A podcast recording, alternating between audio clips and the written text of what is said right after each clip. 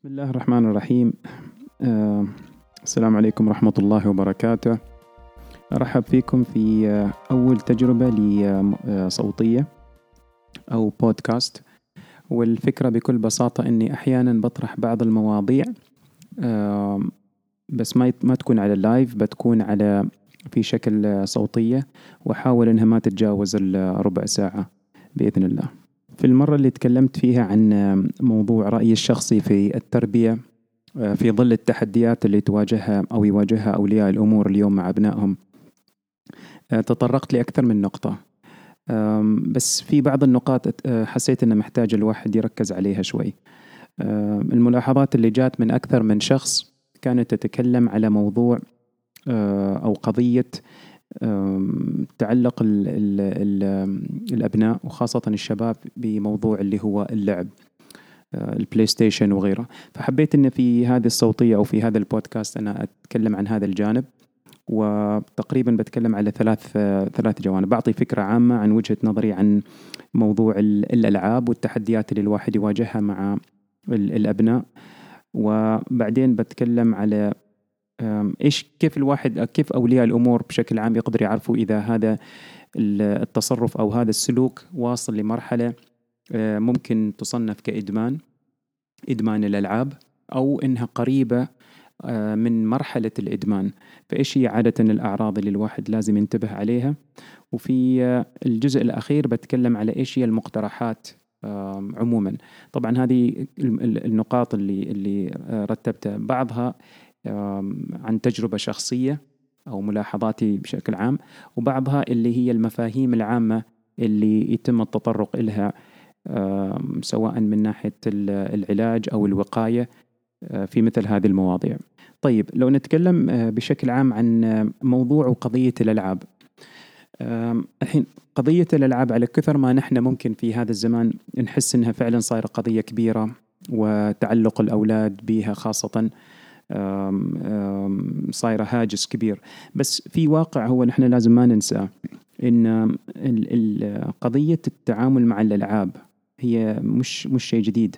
يعني من من عدة سنوات أتذكر نحن لما صغار آه، لما بدت ألعاب الأتاري والجيم بوي وغيرها كلها هذه كانت بداية آه، اللي هو دخول موضوع الألعاب آه، دخول موضوع الالعاب إلى بيوتنا. ونوع من الترفيه الجديد الإلكتروني طبعا كانت في في في جوانبها بسيطة جدا بس مع ذلك لأن ما كان في وسائل ترفيه أخرى غير طبعا الخروج الواحد يلعب برا أو أو بشكل عام بس قضية وجود مثل هذه الأجهزة آه، وبعضها يمتد إلى إلى سنوات بعيدة. أحدثت أحدثت مثل ما يقولوا آه، نقلة نوعية في نوع الترفيه. النقطة الثانية فيما يتعلق بموضوع الألعاب آه، ليست كلها سوداوية. يعني في في شركات جالسة تشتغل على على ألعاب اللي هي لها جانب آه، ترفيهي وكذلك جانب آه، تربوي مهم جدا.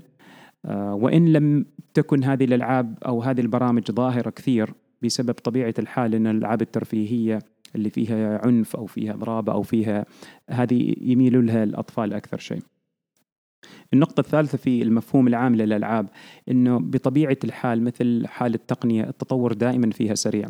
فتتنافس الشركات فيما بينها على تطوير منصات الألعاب هذه سواء كانت إكس بوكس بلاي ستيشن أو أو نينتندو أو غيرها تتنافس فيما بينها في أنها تتطور. فهي تتطور وتتطور بشكل سريع جدا.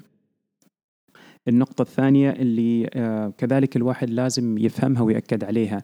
ال- الشركات اللي تشتغل على تطوير هذه الألعاب وهذه المنصات هي هي تصرف ملايين الدولارات آه، على أساس أنه كل منصة من هذه المنصات تحاول أنها تكسب أكبر قاعدة من ال- الأشخاص اللي بيستخدموا هذه الألعاب ويبقوا على المنصات هذه ويبقوا مثل ما يقولوا مندمجين في هذه المنصات. فالتنافس طبعا آه، يلعبوا على سالفة أنه كيف نحن نصمم ألعاب آه، بحيث إنها تجذب أكبر عدد من طبعا بتفاوت والتركيز بطبيعة الحال على الأعمار اللي هي المراهقين بشكل عام لأن هذه آه، احصائيا من بين الفئات اللي مستهدفة واللي يقبل عليها الشاب عادة لمثل هذه الألعاب في هذا السن. منظمة الصحة العالمية كذلك نوعا ما وصلت إلى مرحلة أنه أحيانا هذا الجانب يصنف وكأنه هو إدمان الألعاب فهو نوع جديد من الإدمان. قد تختلف المؤسسات فيما بينها على تصنيف هذا الشيء ولكن بعض المؤسسات صنفت أنه من بين الأعراض أو الأمراض النفسية صار إدمان الألعاب ياخذ حيز كبير في هذه الفترة. قضية ثالثة أخرى كذلك كمفهوم عام. قضية أنه في الألعاب المجانية وخاصة مع تنوع المنصات الحين مع الأجهزة المحمولة سواء الهواتف المحمولة أو الآيباد وغيرها. صارت كذلك مفهوم جديد أن هناك ألعاب مجانة أو مجانية وهناك ألعاب مدفوع الثمن مدفوعة الثمن. طبعا هي هي جانب تسويقي بحت يعني حتى الألعاب المجانية طبعا القصد منها إن هذه الألعاب ممكن المصمم يصممها والتكاليف إدارتها وتطويرها آه، يغطوها من خلال الدعايات والإعلانات اللي يحصلوها. المشكلة في هذا الجانب إن صارت مثل هذه الألعاب اللي فيها الدعايات أحيانا وإن كانت اللعبة مصنفة لفئة عمرية معينة نلاحظ وهذا جانب كثير مهم كجانب رقابي إن الألعاب اللي تتخلل الدعايات عفوا اللي تتخلل هذه الألعاب آه، ما تكون مناسبة للسن. فممكن اللعبة تصنيفها مثلا أربع سنوات أو سبع سنوات كمثال. فولي الأمر ينزل هذه اللعبة على أساس أنه العمر هذا. فلما الطفل يلعب وعلى أساس إن تبقى هذه الدعايات تطلع كل شوية، طبعا الجانب الآخر المقصود من هذا من هذه الحركة إن الأشخاص اللي قادرين على دفع آه، مبلغ معين ممكن يدفع مبلغ على أساس ممكن يشيل هذه الإعلانات من من البرنامج. شيء آخر اللي هو تطور موضوع الألعاب، زمان لما كنا نجلس ونلعب هذه الألعاب كان يطغى عليها وطبعا هذا قبل وصول الإنترنت وتطور الإنترنت والسرعة الإنترنت وغيره كان يطغى على هذه الألعاب إن الشخص إما يلعب بشكل فردي أو بشكل جماعي آه، من لاعبين إلى أربعة أو ثلاثة. بس تبقى هذه التجربة محصورة كذلك في المكان اللي الشخص يلعب فيه. فكان فكان الشخص ممكن يلعب والألعاب كذلك اللي هي فيها نوع من الحماس أو المنافسة أو غيرها ممكن الشخص يلعب مع أخوانه أو أو أصحابه أو غيرهم ولكن تبقى هذه المشاركة موجودة في نفس المكان.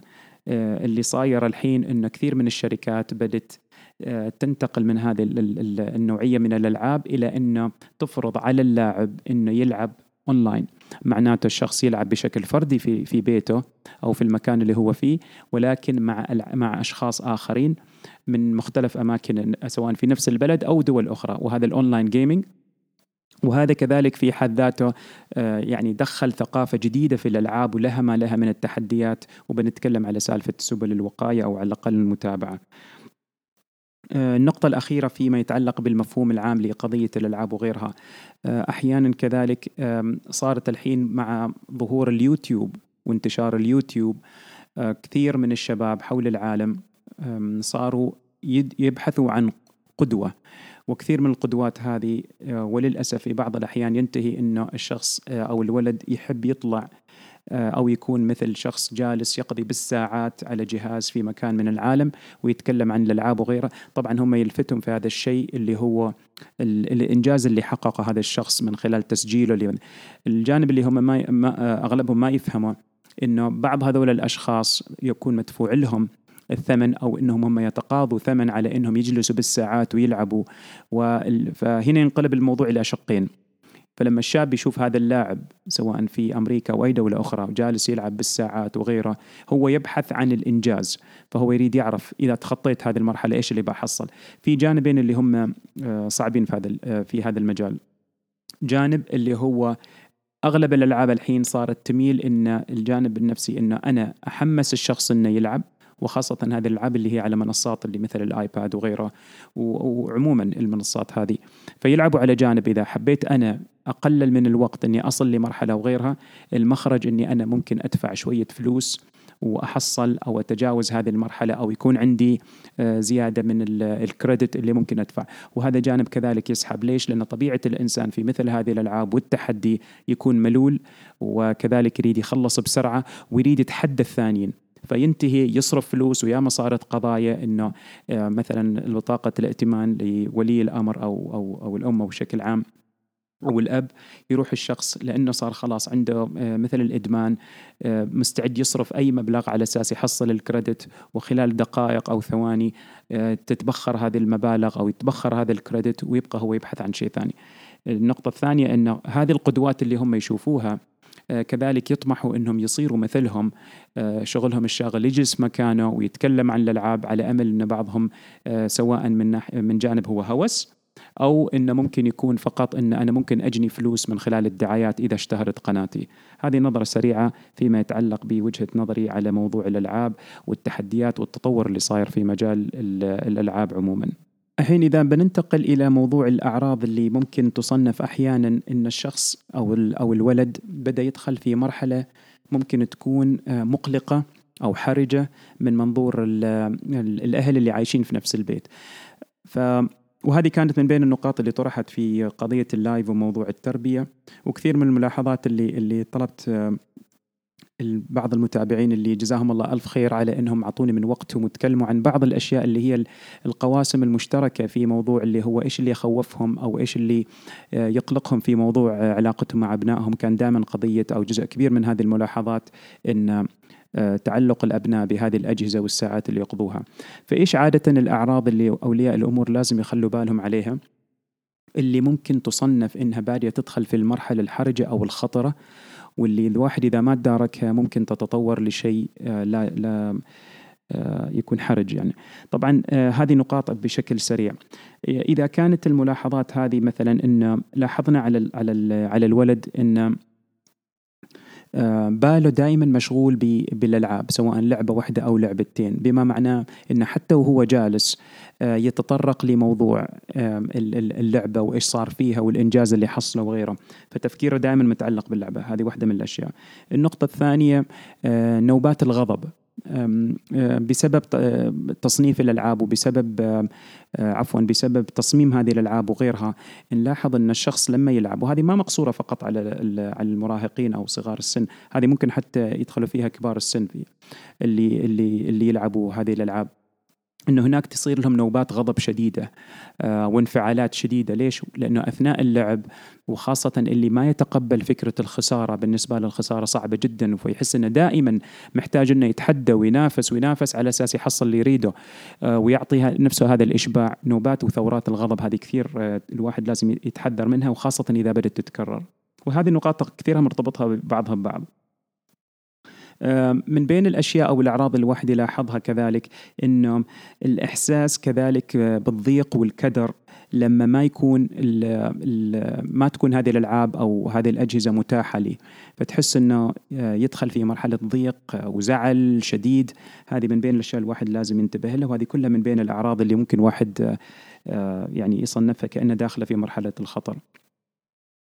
آه، من بين الأشياء ان إذا لاحظنا إن الشخص اللي أو أو الطفل أو ال أو ال أو الابن اللي يلعب هذه الألعاب عموما انه مجرد ما يدخل في هذا المرحلة أو الوقت اللي جالس يلعب وكأن هذه سعادة يعني لا توصف وتغني هذا الولد عن أي نشاط آخر تعلقه بهذا الجانب مستعد يجلس على هذا الجهاز بالساعات هذه من بين المؤشرات اللي الواحد لازم ينتبه لها. يصير الوقت هذا أهم من أي شيء ثاني. أي نشاط آخر أو غيره حتى ينسى ممكن إنه ما مستعد ممكن مستعد يأخر وقت الأكل آه، وقت الصلاة آه، وقت آه، ال ال أي شيء حتى هذه من بين الأشياء الواحد لازم ينتبه لها. كذلك الوقت المطول وإحساس الشخص إنه مستعد يجلس بالساعات وما يعني ما مستعد إنه ينهي هذه اللعبة. وإذا ينهي اللعبة هذه يدخل في اللعبة الأخرى وهلم جر وهي رايحة السالفة. فصعب عليهم إنهم خلاص يبطلوا هذا الجهاز. فكل ما الواحد يناديهم أوكي جاي الحين بعد شوية بس ما قادر هو ينهي. يعني خلاص متعلق ومنغمس في هذه اللعبة بطريقة أنه ما قادر يتوقف وإذا يتوقف يعني أكثر من مرة بعد إلحاح وبعد ضرابة وبعد غيرها بعد من بين الأشياء. من بين الأعراض كذلك اللي هو عدم التركيز عموما وتكلمت يمكن طرقت عليها في بداية هذا الجزء تشتت الفكر دائما آه ليش؟ لأنه هو باله مشغول آه يريد يعرف متى راح يرجع مرة ثانية متى راح يلعب ومتى راح يتخطى المرحلة هذه وكيف راح يهزم فلان وكيف يعني وكيف فيها جوانب كثيرة آه من المشتتات واحدة من الجوانب كذلك الواحد لازم ينتبه لها إن بسبب هذا التعلق يبدأ الولد يميل إلى موضوع إنه يختلق قصص أو أو يكذب عن مثلا إذا كنت أنت مخصص له وقت أو كنت مخصصت له وقت ك كولية أمر. مثلا إذا كانت نص ساعة أو ساعة يبدأ الطفل يقول لا والله أنا يدوب ربع ساعة يدوب عشر دقائق ما كملت. ليش لأنه هو يسعى إنه يكسب وقت زيادة. فمع الوقت يعني يتطبع بثقافة الكذب والتحايل. ليش؟ لأنه صار عنده شعور أنه لازم يحققه.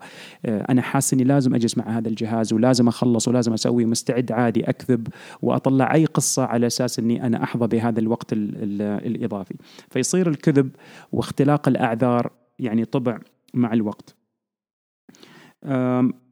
واحدة من الجوانب اللي كذلك يعني كثير من من الدراسات تشير لها. إن إذا كان جو البيت عموما متكهرب وفي حساسية دائما مثلا بين بين الأب والأم بعض الأطفال لما يسمعوا إن جو البيت دائما صراخ ودائما دائما في توتر وفي وجو مشحون بعض الدراسات بينت إنه هذا الجانب قد يسبب آه، في بعض الأحيان أنه قضية الألعاب بالنسبة للأولاد هي عموما مخرج. فممكن الطفل في هذه الحالة تفاديا أنه يسمع مثلا أبوه وأمه في في يعني صوتهم عالي وصراخ فيهرب إلى غرفته أو المكان اللي فيها الألعاب ويحط سماعته يعلي الصوت وينشغل لأنه ما يريد يسمع. هذا جانب جدا خطير وجدا مهم. قد يكون انه أحيانا على على فوق كل الكلام اللي تكلمنا عنه إن الألعاب هذه قد تكون سبب لهروب من واقع هو يعاني منه ويشوفه أمامه وما بيده إلا إنه هو ينغمس في مدى الآخر، وطبعا هذا السلوك أو هذا الشيء يعزز من يعني تعلقهم بهذا الجانب. من بين الأعراض كذلك إن الطفل أحيانا كل ما كانت المساحة هذه متاحة ومتروكة بلا حسيب ولا رقيب يبدأ يصير حتى عندهم خلل في النوم. آه، نومهم يكون متقطع. وفي بعض الحالات كذلك يصير عند البعض آه، مثل القلق والضغط النفسي وأحيانا حتى كوابيس.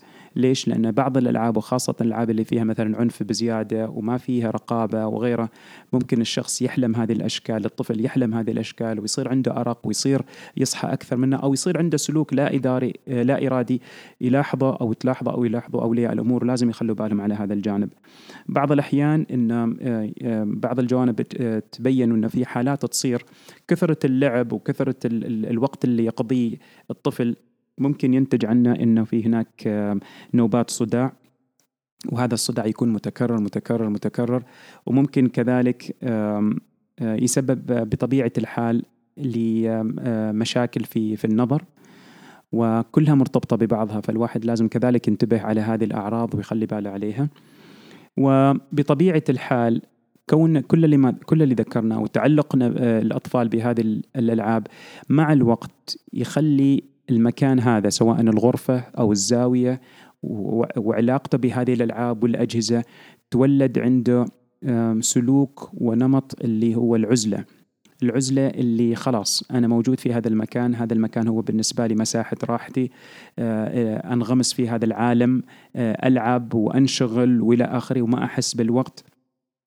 ويصير الطفل مع الوقت آه، فوق اللي ذكرناه نحن من العصبية والسلوكيات هذه غيرها إنه يفضل إنه يكون وحده وما حد يكلمه مع الوقت. هذه كلها أعراض ممكن تكون كذلك بداياتها آه، إذا الواحد يلاحظها لازم ينتبه ولازم آه، يخلي باله عليها كذلك. والنقطة الأخيرة اللي بغيت أتطرق لها أنه هذه التراكمات وهذه العناصر كلها أو الجوانب تتفاعل فيما بينها وتصل إلى مراحل متقدمة من بين هذه المراحل اللي هو مرح... اللي هي مرحلة الاكتئاب. ممكن كذلك هذا الشعور يحسس الواحد بالاكتئاب آه النقص آه إحساس أنه الآخرين أفضل منه خاصة في موضوع الألعاب كذلك آه إحساسه بالفشل لأنه ما قادر تصير الألعاب نفسها هي كل ما يتملك إحساسه ومشاعره وتفكيره والإنجاز يرتبط بهذه الجوانب. هذه الأعراض عموما. والحين بتطرق كذلك للنقطة الأخيرة اللي هي إيش هي المقترحات اللي الواحد ممكن آه، يعني يتكلم فيها أو ممكن تساعد؟ طيب نحن تكلمنا عن النظرة العامة لهذا الموضوع وبعدين تكلمنا عن كيف الواحد أو ولي الأمر آه، يحس أو يفهم أنه نحن ممكن نكون واصلين لمرحلة متطورة أو متقدمة أو خطيرة. تكلمنا عن الأعراض. الحين طيب إيش هي الحلول؟ وهل هناك حلول وهل هناك حلول مباشرة؟ هي مش شرط تكون حلول مباشرة ولكن يعني إذا تكلمنا عنها الطريقة اللي أنا ممكن أريد أطرحها إن أولا أولياء الأمور لازم يكون في بينهم اتفاق لازم يكون في بينهم اتفاق وخاصة إذا كانت الملاحظات هذه تتكرر. فما ممكن أن يلقى اللوم مثلا على الأب آه، دون دون دون الأم والعكس صحيح. فلازم أولا يقروا أن هناك في مشكلة. فبداية الحل اللي هو الإقرار ويكون في نوع من التوافق أن في عندنا مشكلة مع مع ابننا واحد أو اثنين أيا كان وأن هذه المشكلة محتاجة حل والحل هذا لازم يكون بالتعاون بين الطرفين على أساس نقدر نحن ندخل في مرحلة اللي هي كيف الواحد يمهد لهذا الحل وإيش هي المقترحات.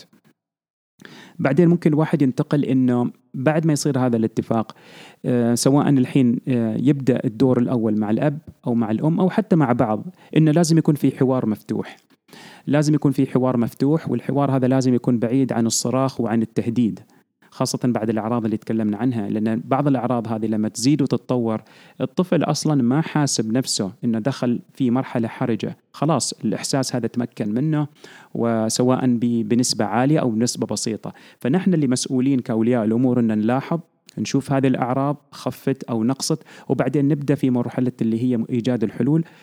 فلازم نتكلم عن هذا الموضوع بصراحة. إيش اللي نحن ملاحظينه؟ وليش هذا الوضع مش مريح؟ ليش هذا الوضع ممكن يكون خطير وإلى آخره؟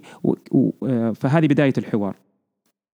النقطة الثانية اللي لازم نحن كذلك نعرفها إنه هو مش الخطأ انه الواحد يلعب لأن هاي في النهاية هذا العمر والأطفال يحبوا يسووا هذا الشيء. ولكن علاقة الأولاد بأولياء أمورهم في قضية حتى لما يطلعوا ويريدوا يشتروا الألعاب أو ينزلوها أونلاين آه، لأن زمان كان الواحد لازم يروح ويشتري الحين لا الواحد وهو جالس ممكن ينزل هذه الألعاب سواء على الآيباد أو على البلاي ستيشن وغيره فلاحظوا إن الشركات جالسة بوجود الإنترنت والسرعة العالية وغيرها جالسة تعمل كما يقولوا قصارى تبذل قصارى جهدها أو جهود إن على أساس انها توفر الألعاب بأسرع وأبسط طريقة ممكنة. فضروري نحن نفهم إيش هي هذه الألعاب هل مناسبة للأعمار هذه؟ وهذا طبعا في وصف خاصة فيما يتعلق بهذا فلازم نحن ننتبه على ليش هذه الألعاب. وطبعا الواحد لما يدخل على الإنترنت ممكن يبحث عن الألعاب إيش اللي مثلا إيجابياتها وسلبياتها. فلازم على أولياء الأمور يفهموا نوعية الألعاب اللي ينزلوها أولادهم ويكون كذلك في حوار إن لا هذه اللعبة ما مناسبة في هذا العمر أو إذا بتلعب هذه اللعبة بنلعبها لما نكون مع بعض على أساس لأن ممكن تصير في بعض الأشياء بعض الحركات تصير في اللعبة من الناس اللي صمموا اللعبة سواء عن قصد أو غير قصد لا تتناسب مع ثقافتنا أو قيمنا أو حتى الطريقة اللي نحن جالسين نربي فيها عليها عليها أولادنا. ننتقل بعدين لمن بين الحلول اللي ممكنة والمهمة انه يكون من بين الاتفاق انه لازم يكون في ضوابط وحدود لقضية اللعب. آه، بما من بينها طبعا آه، يعني على على سبيل المثال إن لازم يكون في اتفاق على قضية الأسبوع هذا فمن بين الأشياء السهلة طبعا وقت المدارس لازم يكون في اتفاق آه، على انه خلال أيام الدراسة ساعات الألعاب هي البعض آه، أنا شخصيا مثلا آه، في أيام المدرسة ما يكون عندهم أي ما يمسكوا الأجهزة هذه. وهذا طبعا بعد بعد ما تكلمنا وفي اتفاق وليش هذه الأجهزة ما يمسكوها. وفقط لما يكون متوفرة هذه الأجهزة بالنسبة لهم تكون في نهاية الأسبوع في في الويكند وفق ضوابط معينة انه في اليوم لا تتجاوز لا يتجاوز الوقت اللي مسموح لهم فيه اجمالا أكثر من ساعة أو ساعتين أو ثلاثة. هذه طبعا كل أسرة تحددها مع بعض. وحتى مع محكومية هذا الوقت متى ممكن؟ هل هي هل هي ساعات متواصلة أو متقطعة وغيرها؟ طبعا لكل واحدة إيجابياتها. في النهاية الاتفاق هو إن نحن نحط ضوابط تحكم الوقت خاصة موضوع الوقت فيه. وفي أشياء ثانية بتطرق لها.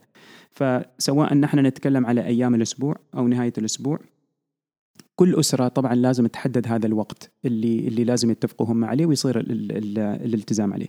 طبعا بطبيعة الحال في وضع في وضع الإجازات الحين البرنامج هذا يتخربط ولكن ما يمنع إنه يكون في ضوابط، فبدل مثلا ما ينحرموا أو يبعد عندهم خمسة أيام وما عندهم دراسة ممكن الواحد يفرض هذه الساعات على الأيام الأسبوع مع وجود الرقابة آه، عليها آه، بطبيعة الحال. الحين هي مش قضية فقط الوقت. في أشياء ثانية صارت مهمة جدا. فلازم نحن ننتبه طبعا لأنهم هم يقضوا آه، وقت على هذه سواء الوقت هذا متصل أو منقطع. في من بين الأشياء الحين اللي متوفرة إن هناك في نظارات معينة اللي هي تساعد إنه تقلل من تأثيرات الشاشة لدى آه، وقت الألعاب أو حتى وقت مشاهدة الأفلام أو غيرها، هذه النظارات موجودة فالواحد لازم يعرف طبيعة هذه النظارات ومن وين ممكن يحصلها ويعودهم مع الوقت ان من بين الشروط ان غير الوقت طبعا لازم تكون لابس النظارة هذه وتستخدمها أثناء اللعب. آه، طبعا في شيء الواحد لازم ينتبه عليه حتى هذا ما يخص بس بالأطفال حتى الكبار. نحن لا شعوريا لما نكون ماسكين الشاشة أو نتابع أو مركزين معدل ال ال لما نحن آه، نرمش أو آه، أو نغمض ونفتح عيننا يقل. ليش؟ لأن نحن مركزين. هذا طبعا مع الوقت يجهد العين ويسبب جفاف.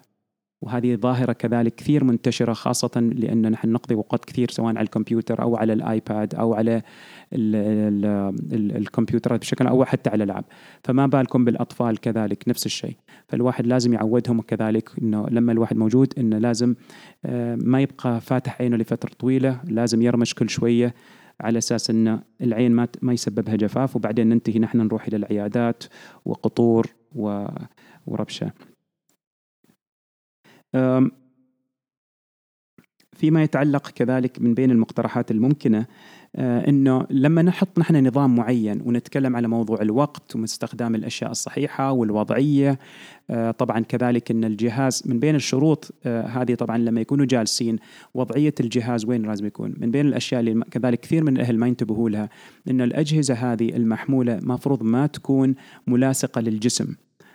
فلازم دائما إما يكونوا جالسين على طاولة أو على مكتب أو على الأقل يحطوا مخدة أو حاجة إذا كان بيحطها بيحطوا الجهاز على رجلهم، هذه كثير من الاهل ما ينتبهوا لها. فيفضل إن الجهاز ما يكون ملاصق الجسم في غالب الأحيان. آه، وهذه كل ما عودتوهم عليها من بين الضوابط وغيرها كل ما كانت أفضل. خلاص مع الوقت يصير سلوك. إذا اضطر هو يحط الجهاز على رجله على الأقل يسحب مخدة أو حاجة ويحطها على رجله وبعدين يحط على الجهاز. أو إذا كانت في طاولة موجودة طاولة الطعام أو غيره يفضل استخدام الطاولة ووضعية الجلوس كذلك آه، مهمة. آه، درجة قربهم من الجهاز كذلك هذه من بين الأشياء اللي الواحد لازم ينتبه لها. و من بين الحلول اللي كذلك تساعد على قضية آه، تعلقهم بهذه الأجهزة. نرجع نأكد على نقطة واحدة.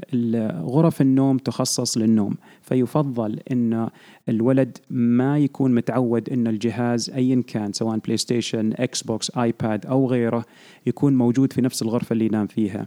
ليش؟ لأنه إذا كان الطفل وصل لمرحلة حرجة أو بادي يدخل في مرحلة حرجة من تعلقه بهذا الجهاز أو اللعب ممكن يبدأ يدخل في يعني يمارس بعض السلوك اللي هي المناورات فنحن ممكن نفكر ان الطفل مثلا نايم هو الطفل أصلا لا هو نايم هو يمثل ممكن يصحى ويلعب ليش؟ لأنه متناول يده قريبة منه فيفضل هذه الأجهزة ما تكون في الأماكن اللي هي يناموا فيها أو غرف النوم قدر الإمكان وتكون في الأماكن العامة اللي هي مثل الصالة اللي هي خلاص معروف إنه في الليل فهذه من بين الأشياء الواحد لازم يكون قدر الإمكان حذر فيها.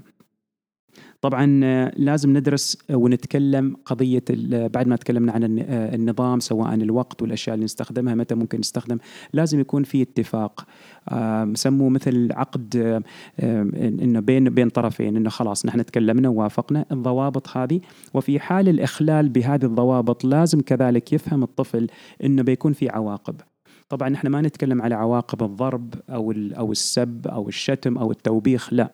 العواقب اللي هي إن العواقب الواحد لازم يكون حتى في هذه لازم يتفق معه انه راح تسحب الأجهزة هذه وتسحب أحيانا ليوم أحيانا ليومين بغض النظر نحن بنحط حتى ضوابط. ليش؟ على أساس لأنه هو يحب هذا الشيء. مع الوقت مع وجود هذه الضوابط بيتعود بيحاول ما يخسر هذا الوقت حتى لو إن شاء الله ساعة لأنه هو يحب هذا الشيء. فبيفهم انه هذه العواقب اللي بتصير أو العقاب اللي بيصير واضح تكلمنا عنه وتكلمنا متى ممكن يصير. وطبعا ما في ما في يعني ما يمنع ان أحيانا الواحد حتى لما يقع في هذا الخطأ نعطيهم تنبيه خفيف.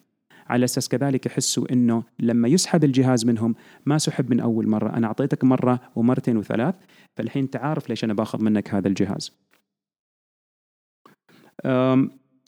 طبعا إذا ما كان في فعاليات كفاية رياضية أو غيرها الألعاب المشتركة غير الإلكترونية بين الأسر. طبيعة الحال هذه تكون مثل ما يقولوا مساحة رحبة إنه أبسط شيء الواحد يسويه إنه يقول له طيب روح العب شوي أو روح إلى فإذا انتهى يلعب نفس الألعاب الإلكترونية هذه باستمرار وما في أنشطة ثانية. المشكلة والتحدي إنه الأنشطة الثانية ما ممكن نحن نقول للطفل روح العب لك شيء ثاني. الطفل بطبيعة الحال يكون ملول يتذمر دائما فلازم نحن نتعنى كذلك انه اولا نوفر ايا كانت الألعاب هذه. ما لازم تكون الألعاب 20 لعبة وغيرها بس الألعاب اللي بطبيعتها تخليهم هم يلعبوا. ونعم أحيانا نضطر إن نحن مثل ما يقول الواحد يعني يسحب الولد يقول يلا اجلس هذه اللعبة خلينا نبدأ. فكل ما كانت هناك هناك في بدائل طبعا الجو الحار هذا ما يساعدهم إنهم يطلعوا إلا قبل المغرب بشوي. بس الألعاب اللي هي البسيطة اللي ممكن هم إذا جلسوا ولعبوا مع بعض طبعا في بعض الأحيان إنه إذا كان ما عندهم هم أخوان أو غيره مثلا يلعبوا مع بعض فلازم على الأقل يحسوا إنه أولياء الأمور الأم أو الأب يخصصوا بعض من وقتهم يجلسوا ولو ربع ساعة نص ساعة معاهم يلعبوا ألعاب مسابقات أو غيرها هذه من بين الأشياء اللي على الأقل تقلل إنهم هم مركزين فقط على على هذا الجانب. طبعا إذا كانت الحالة صعبة جدا ومتطورة ف وللأسف انه لازم يكون لدى الأسرة أو أو ولي الأمر قناعة إنه سويت كل هذه الأمور حاولت وما نفع. فما في غير إن الواحد يعني يلجأ إلى ال ال الأخصائيين في الجوانب النفسية الاستشاريات النفسية وغيرها. والحين صار آه، في كثير من العيادات آه، عندها هذا المجال وتتكلم عن هذا المجال. فشكرا على استماعكم وأتمنى أن هذه المشاركة أو هذه الصوتية على الأقل تطرقت لبعض الجوانب من وجهة نظري واحيانا كذلك من بين الأشياء اللي آه، كثير من من آه، من الدول أو المناقشات أو الإنترنت يتكلموا عنها وأجمعوا على هذه الجوانب وغيرها من الجوانب. فأتمنى يكون في استفادة في هذا الطرح وأتمنى أن الرسالة وصلت. يعطيكم ألف عافية وشكرا.